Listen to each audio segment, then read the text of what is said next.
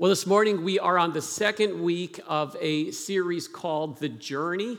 Uh, we are looking through the uh, Gospel of Mark. It's the shortest of the Gospels, and it tells us all about um, this journey of discovering who Jesus is. Um, and, and I said last week, some of us are on this journey for the first time. This is your first time being in a church setting, learning about spiritual things, and so it's exciting. Uh, and I trust that uh, as we make our way through each week, that, that some of the lights will go on and it'll be good. Um, others of you, this is sort of like maybe a second trip or maybe a third trip. And it kind of reminds me of my, um, my, my go to iHeart radio station, um, which uh, I don't probably have to tell you, you would guess it quickly. It's Lost 80s. And it says on the tagline, songs you forgot you knew. And so, um, my poor family, when we're driving in the car, I subject them to the lost 80s. But um, similar to this, there may be things that you knew at one time about who Jesus is, but, uh, but you forgot, or maybe it just hasn't been front and center. And so this is an opportunity um, to, to rediscover. And, uh, and, and many of you know here, if you've been here for a while, that I have this, uh, this really annoying habit of tying messages with 80s pop songs. And so, uh, true to form, that is going to stand true this morning. Everybody Wants You is the name of the message. And if you know the song, then you know the song. If not, I'm not going to sing it. Um, but we are going to just jump right in and, and read it. And here's, here's what it says um, It says this And they went to Capernaum. And immediately on the Sabbath, he entered the synagogue and was teaching, and they were astonished at his teaching, for he taught them as one who had authority and not as the scribes. And so, just to kind of catch us up to where we are, this passage is opening up and it's giving us a glimpse into what life was like in a small town in the north of Israel called Capernaum. Uh, a town you probably have never heard of, but I can't help but notice um, as I was looking through this passage this week that even though we're half a world away, even though we're 2,000 plus years removed from when this all took place, that there's a whole lot of similarities between what life was like back then in Capernaum and what life is like today here in Carmel. And so I want to. Um, you know, kind of test some of those out and tease some of those out. And Capernaum was the destination that Jesus immediately sets out for after he recruits his core four. Um, his first disciples, Simon, Andrew, James, and John, they tag along as Jesus finds himself in this town and he goes to the synagogue to drop in for their Sabbath service. And, and so that synagogue would have been filled with people who were a lot like you and a lot like me. They, they gathered together to worship God, just like we're doing this morning. And, and people arrived with all kinds of different things going on in their lives. Sometimes, some of them, there were some really good things going on, and they were just exalting. And, and for others, there was just some heavy things going on, and they were just arriving with a sense of, of desperation. And so that's the setting. Uh, somehow Jesus uh, makes his way up to the front, and, and before long, he's got the mic in his hand, and he's been asked, invited to share a few words with the congregation. And, and it says this that those who were in attendance that day, they were astonished at what they heard. Now, I know what you're thinking. Um, Pastor Brian, this is where the similarities ends, right? Because, you know, you're not exactly astonishing as a speaker, and you're saying, I am just struggling to stay awake, and if I do, that'll be good. Okay, I get it, I understand. Um, but, but the reason they were astonished that day wasn't so much about the teaching, it was about the teacher.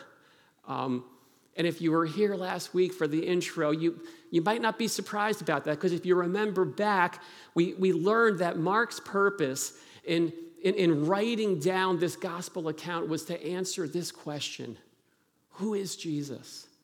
And, and in the synagogue that Sabbath morning, they found him to be this teacher who taught like no one else they'd ever heard before. There was, there was something special about this guy, and it wasn't just that he was charming or that he had charisma or that he told good jokes. is that he taught with this unprecedented sense of authority. He, he had command over what it was he was teaching about, and it blew them away. You know, that word authority, it's an extension of the word author, right? Author. And it's as if they were listening to the very author expand on the scriptures he had written, which, which actually is exactly the case. They didn't know it at the time, but, but, but it blows them away. And, and this kind of sets the scene for what happens next, where this, this spiritual um, showdown breaks out right in the middle of the worship service. So let's just keep on reading and see where it goes from here. It says this Immediately there was in the synagogue a man with an unclean spirit, and he cried out, What have you to do with us, Jesus of Nazareth? Have you come to destroy us? I know who you are, the Holy One of God. But Jesus rebuked him, saying, Be silent and come out of him. And the unclean spirit, convulsing him and crying out with a loud voice, came out of him. And they were all amazed, so that they questioned among themselves, saying, What is this? A new teaching with authority. He commands even the unclean spirits, and they obey him. And at once his fame spread everywhere throughout all the surrounding region of Galilee. So, so the people here are beginning to find out that there's a whole lot more to Jesus than just a, a, a authoritative teacher. Um, there, there was a person in attendance in the morning service that day whose, whose life you might describe as just being out of control.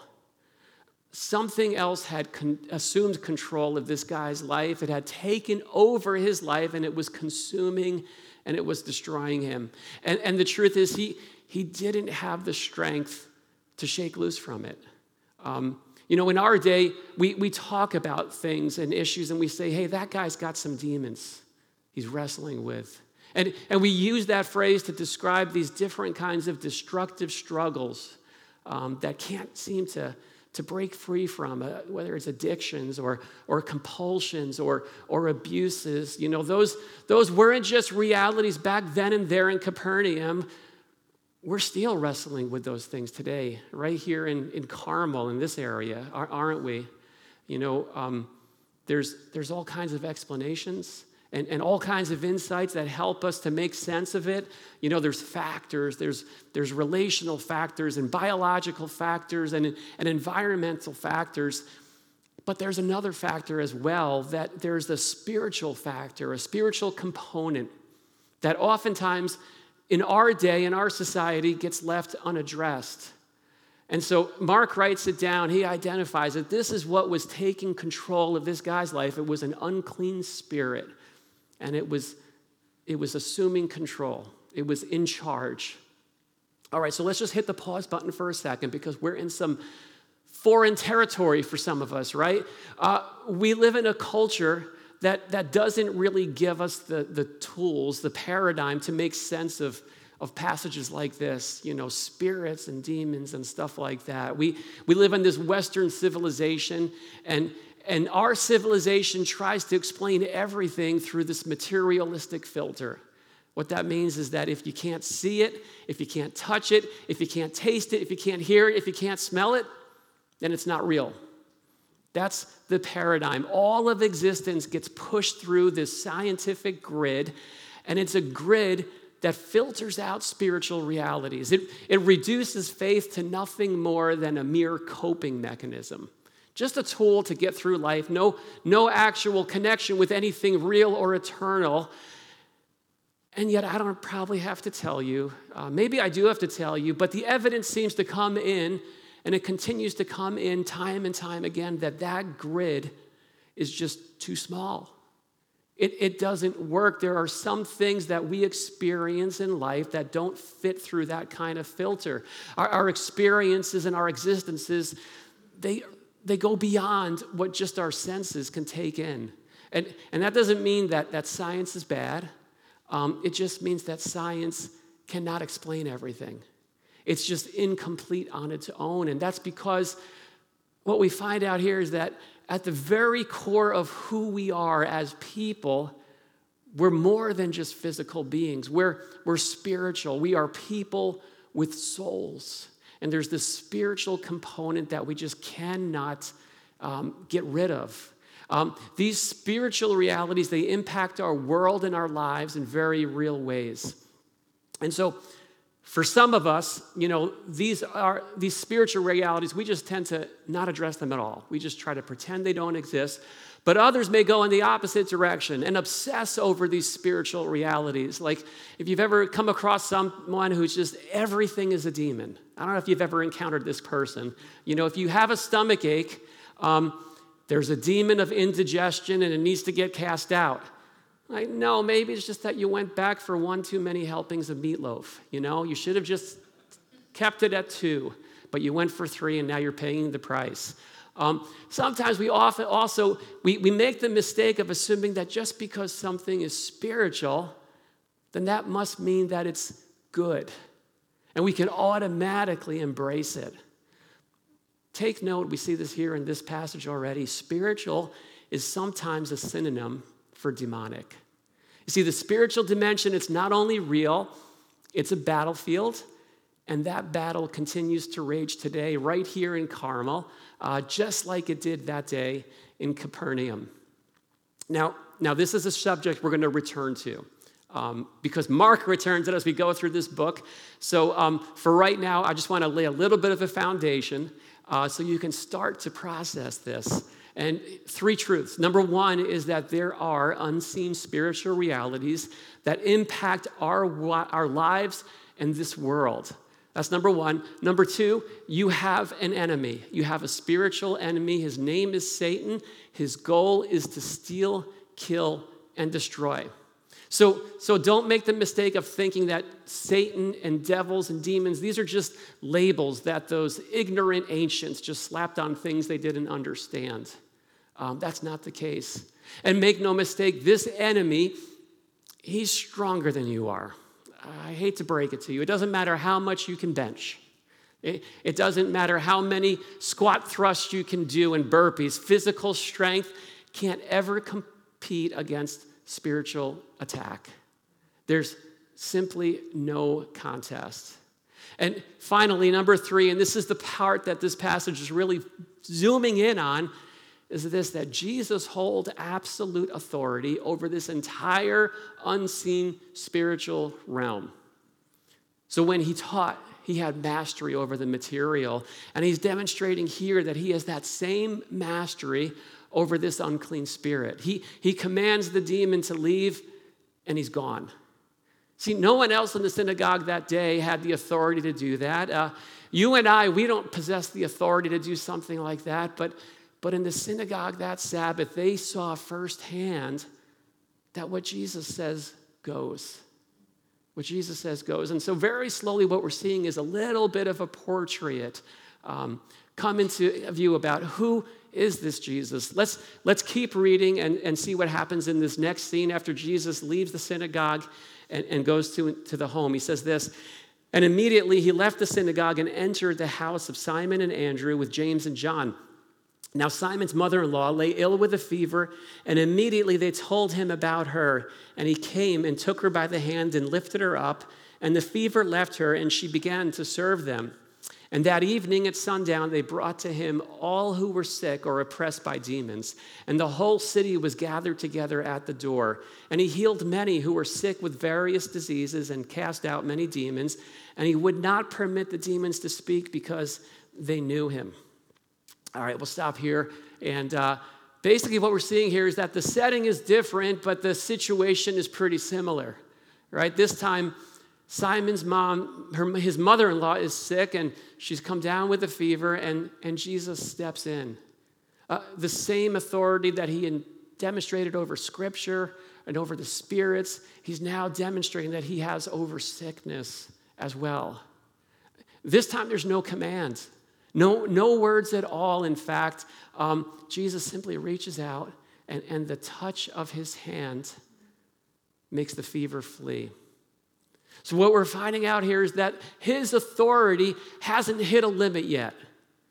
Where does the lid of Jesus' authority um, stand? It's, it's not contained to just the religious domain, it's not contained to just the, the, the spiritual domain. He's even command here of, of the physical, of people's bodies. Night falls, and the whole city shows up at the front door, and there's just mounds of desperate people finding in Jesus something they cannot find anywhere else. And these are people just like you and me. You know, we're all just, we're broken down people. We're living in this broken down world, and there are things that we just can't control. They're just beyond us. And so here, here's the picture. Here's, here's the portrait that we're starting to kind of see about who Jesus is. And the answer to this question, who is Jesus? The answer is that he is the ultimate authority. The answer is that whatever scene Jesus enters into, out of control immediately turns into under control. Whatever arena it is, he steps foot into it, every setting, every situation. He always arrives as the first and the final authority, and out of control turns into under control. And, and, that, and that reality, it's not just something that held true back then in Capernaum, it's still true in places like Carmel today. And it's something that Christ followers, we desperately need to grab hold of that and comprehend this that, that the issue of authority, the issue of who's in charge, it's been settled. And that's regardless of how complicated a situation may present itself. It's regardless of how out of league you may feel the moment Jesus enters onto the scene, the question of who's in charge, it's over and it's never up for grabs. And maybe it's worth clarifying the answer to that question, who's in charge? It's not me, right? And it's not you, it's, it's him. And these are just snapshots of of Jesus at work. These are, these are snapshots and scenes of, of, of what this kingdom of God that Jesus came here to usher in, this is what it looks like. Restoring what's broken, subduing those renegade powers, you, ushering in redemption and healing and peace into people's lives, and not only in Capernaum, he's, he's still in the business of doing that in places like, like Carmel here today. And so this composite, this composite of Christ, it's, it's getting clearer, but it's also worth noting that at this stage, it's not complete. We're just going to keep on reading and see here's how people are responding at this point to the Jesus that they're seeing. And so here's what it says it says, And rising very early in the morning while it was still dark, he departed and went out to a desolate place, and there he prayed. And Simon and those who were with him searched for him. And they found him and said to him, Everyone is looking for you. And he said to them, Let us go on to the next towns that I may preach there also, for that is why I came out. And he went throughout all Galilee, preaching in their synagogues and casting out demons. Now, uh, this is an incredible scene here. Jesus is on the heels of just having one of the busiest days, a jam packed day full of ministry and activity. And yet he wakes up before, before sunrise and he heads off to this quiet place to be alone, to connect with his Father in prayer. Now, Jesus, of course, he's modeling here something for us of how crucial it is to maintain that connection with our Heavenly Father. And, and, and it's showing us that that reliance matters so much more than performance. But, but this is also the place in, in this book, in this gospel, where we see this is episode number one of missing the point, adventures in missing the point. This is where that all starts out. And stay tuned, there's a lot more to come. Adventures in missing the point about Jesus. Those who encountered Jesus, they, they, they were coming to some answers to some very important questions, but at this point, the answers they were coming up were just not on point. The right question, of course, is who is this Jesus? The core four disciples, they, they were asking that question. They were taking it all in. They had a front row seat to everything Jesus had done the day before. They saw this unbridled authority in overdrive on full display. But when they can't find Jesus that morning after they wake up, they, they set out to find him. And they're, they're not just looking for Jesus to find out where he's gone off to, they're on a manhunt to bring him back to where they think he belongs. The, the, the, Greek word for search for him, it literally reads, hunt him down the way you would an animal. Uh, because they understand that Jesus has become a man in demand. He can do things no one else can do, and everybody wants a piece of him. Um, and the disciples just had some very particular assumptions some expectations about this is how this is going to play out. This is how it's going to proceed based on what we've seen up to this point. And you see it, you can hear it in these words. They say, Everyone is looking for you. Crowds of people who want something from you. You don't belong here. We got to get back there and give the people what they want. You know, there's a, there's a kind of attitude that can actually turn Jesus into a commodity. What can Jesus do for me? Hey, Jesus, would you mind wielding a little bit of that authority of yours over here in my direction? Give me a piece of that. And again, that kind of attitude, it didn't just exist in Capernaum, it's, it's alive and well today in places like Carmel, where it's not about who he is, and what He wants. It's about me getting what I want. It's the kind of attitude that turns Jesus into a genie. And we just summon him whenever we're in need. We rub the lamp and he comes out, he gives us what we want, and we say, Thank you, Jesus, see you later. And at this point, that's about where the disciples were at. You, you see it at, at this stage, here's what it comes down to the composite is incomplete. Uh, now, make no mistake, Jesus has all the authority, all the power, but you see, he didn't leave heaven, come to earth to walk around and be on a power trip. That was not the purpose for his coming. And, and that's a big part of the reason, if you look at this passage, and you scratch your head, why doesn't he want people to know who he is? That's why he's reluctant at this point because they're reaching false conclusions about who he is. They've only seen this very small portion of him, this abbreviated Jesus. And what they see is that someone they can just use to get what they want and then go their own way. And he says, That's, that's not what I'm about. That's not the reason I came. And, and at this point, there's only two people who, who understand in full, and that's Jesus and his Father. And, and that attitude um, it's, it's not only the disciples that have that, there's one final exhibit, exhibit number two of missing the point, and that comes from this final scene of this, this leper. It says this A leper came to him, imploring him and kneeling, said to him, If you will, you can make me clean. And moved with pity, he stretched out his hand and touched him and said to him, I will, be clean. And immediately the leprosy left him, and he was made clean. And Jesus sternly charged him and sent him away at once and said to him, See that you say nothing to anyone, but go, show yourself to the priest, and offer your cleansing that Moses commanded for a proof to them. But he went out and began to talk freely and to spread the news so that Jesus could no longer openly enter the town, but was out in desolate places, and people were coming to him from every quarter. Now, in this, in this episode, unlike what we've already seen, Jesus doesn't take the initiative. This, this leper makes a very bold move and begs for Jesus' miraculous intervention.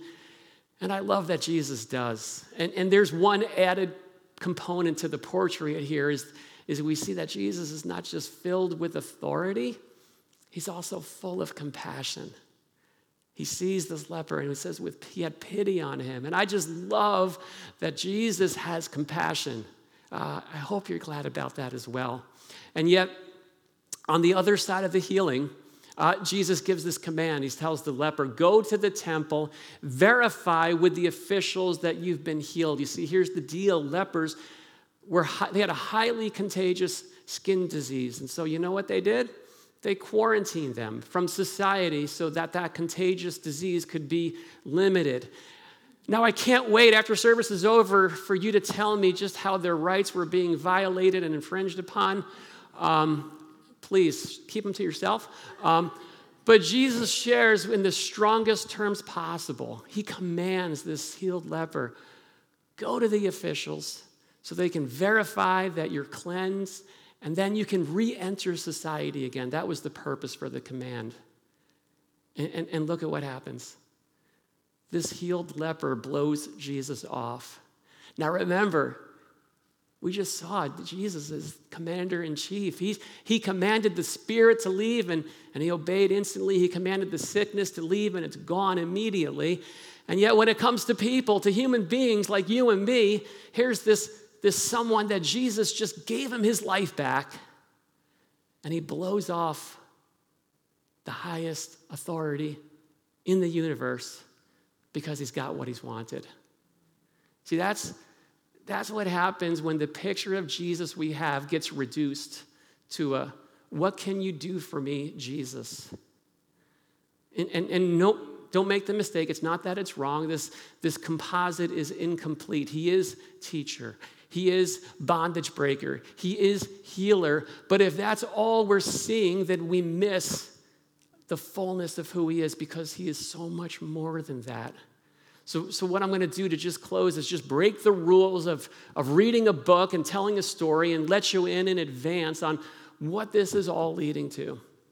Here's what it is any composite of Jesus Christ that doesn't include the cross is incomplete. That's, that's what this is about. This, that is the place where Jesus is seen clearly for who he is only when we understand that the purpose in his coming was to go to the cross. That place where he accomplished our forgiveness, where he gave up his life not just to heal, not just to, not just to, to liberate us for a moment, but to forgive us forever, to restore that relationship with God that, that sin had broken and severed. And so until we get to that point where we see Jesus as Savior, we're missing out on who he really is. The disciples didn't get it at this point, and Jesus says, let's keep on going. You've got more to grow in in your understanding of me. Um, see, there's, there's the Jesus that people we want, that people want, and there's the, the Jesus that, that people need. Jesus didn't come to be the, the Savior that we want and to just fulfill our temporal uh, requests. He came to set us up for an eternity of a restored right relationship with God. And he did that for, for people in Capernaum, he did that for people in Carmel to understand that, that all of the things that we've done that have separated us from God, all of our brokenness, all of our failures, all of our missteps, that they can be healed in an instant, the same way that that, that, that leper was healed the same way that that fever was healed, the same way that that demon, that demonic man was, was released, that that same thing can happen through faith in Christ and the outcome of what he accomplished on the cross. And so we are trying so hard to do one thing. This is what our church is about it's about seeing Jesus for who he is.